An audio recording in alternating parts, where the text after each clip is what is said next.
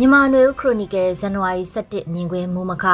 တတိယမြောက်အာဆီယံအထူးကိုယ်စားလှယ်ဖြစ်လာတဲ့အင်ဒိုနီးရှားနိုင်ငံသားရေးဝန်ကြီးအညာဒေတာကအသက်ခံနေရဆဲအရက်သားများအမည်ရတဲ့မိုးမခဆောင်းပါဖြစ်ပါတယ် မြန်မာနိုင်ငံရေးအကြက်တဲကနှစ်နှစ်ပြည့်ဖို့ရပ်ပိုင်းသာလူတော့တဲ့အချိန်မှာမြန်မာနိုင်ငံကအဖွဲ့ဝင်နိုင်ငံအဖြစ်ပါဝင်နေတဲ့အာဆီယံနိုင်ငံက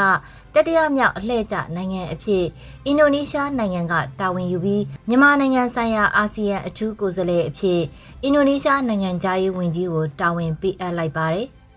အမျိုးသမီးတဦးလည်းဖြစ်တဲ့ Ratno Masudi ကမြန်မာနိုင်ငံဆိုင်ရာအာဆီယံအထူးကိုယ်စားလှယ်အဖြစ် ယခု2023ခုနှစ်အတွက်တာဝန်ယူဆောင်ရွက်မှာဖြစ်ပါတယ်။မြန်မာနိုင်ငံမှာစစ်တပ်ကအာဏာသိမ်းတဲ့နှစ်မှာဘရူနိုင်းနိုင်ငံကအာဆီယံရဲ့အလှည့်ကျဥက္ကဋ္ဌဖြစ်ခဲ့ပြီးအဲ့ဒီနှစ်မှာဘရူနိုင်းနိုင်ငံသားရေးဝန်ကြီးကမြန်မာနိုင်ငံဆိုင်ရာအာဆီယံအထူးကိုယ်စားလှယ်အဖြစ်တာဝန်ယူခဲ့တာဖြစ်ပါတယ်။ ပထမဆုံးအာဆီယံအထူးကိုယ်စားလှယ်အနေနဲ့မြန်မာနိုင်ငံကိုလာရောက်နိုင်ခဲ့ခြင်းမရှိဘဲ2021ခုနှစ်ဧပြီလကုန်ကဏီမှာ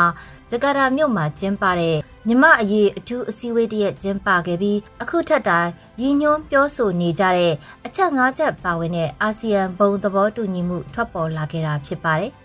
အဲဒီနောက်မှာတော့2021ခုနှစ်တစ်နှစ်လုံးမှာအာဆီယံအနေနဲ့ဘုံသဘောတူညီမှုကိုအကောင့်ထဲဖော်ဖို့ဆက်လက်တိုက်တွန်းခဲ့ပေမဲ့အကောင့်ထဲမပေါ်လာနိုင်ပဲရှိခဲ့တာ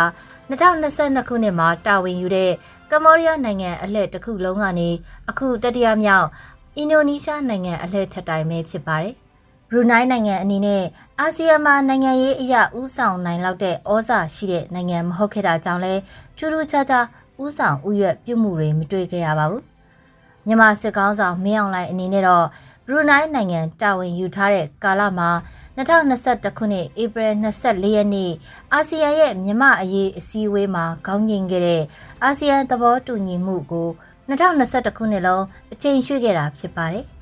2021ခုနှစ်ဧပြီမှာခေါင်းငင်ခဲ့တဲ့ဒီသဘောတူညီမှုကိုအခြေအနေတွေတည်ငြိမ်မှုရမှသာဖော်ဆောင်မယ်လို့အင်ဒိုနီးရှားကပြန်လာကြတဲ့ကပြောဆိုနေကြတာဖြစ်ပြီးတနေ့နီးပါးအချိန်ကုန်လာတဲ့အခါကျမှ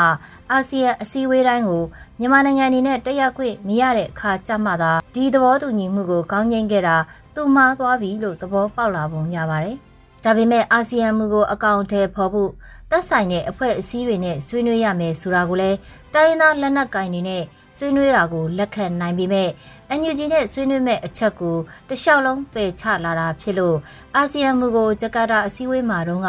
ကြိုတင်ညှိနှိုင်းခြင်းမရှိဘဲတစ်ဖက်သက်ချမှတ်ခဲ့တာလို့စင်ကြေပေးလာခဲ့တာဖြစ်ပါတယ်။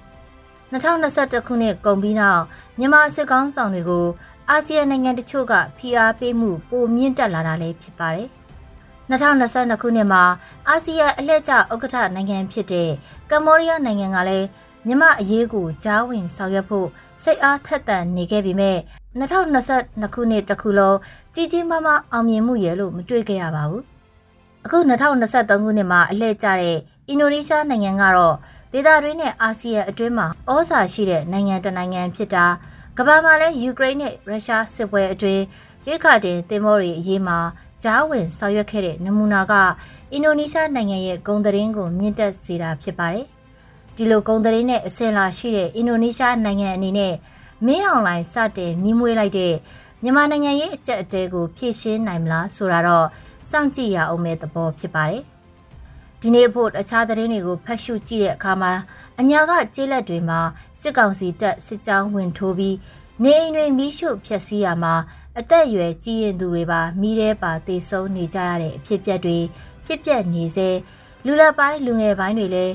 မတင်ငါမှုတွေနဲ့ဖမ်းဆီးတပ်ဖြတ်ခံရဆဲဖြစ်တာတွေ့ရပါတယ်။ရေဦးမြို့နယ်တဲက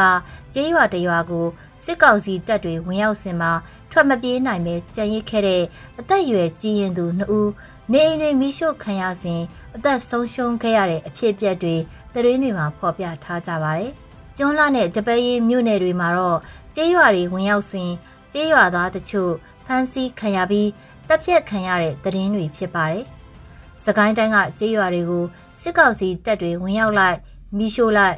ပြန်ထွက်သွားလိုက်ရိခါတွေမိရှို့တာယူဆောင်သွားတာတွေနဲ့ ဒဇဒဇအရက်သားတွေတပ်ဖြတ်ခံရလို့ဆုံးရှုံးရတာကျန်းရည်သူတွေလည်းအသက်ရှင်နေထိုင်ဖို့ရိခါတွေဖျက်ဆီးခံရလူယူခံရတာတွေကိုရပ်တန့်အောင်လှုပ်ဆောင်နိုင်ခြင်းမရှိသေးတာတွေ့နေရတာဖြစ်ပါတယ်။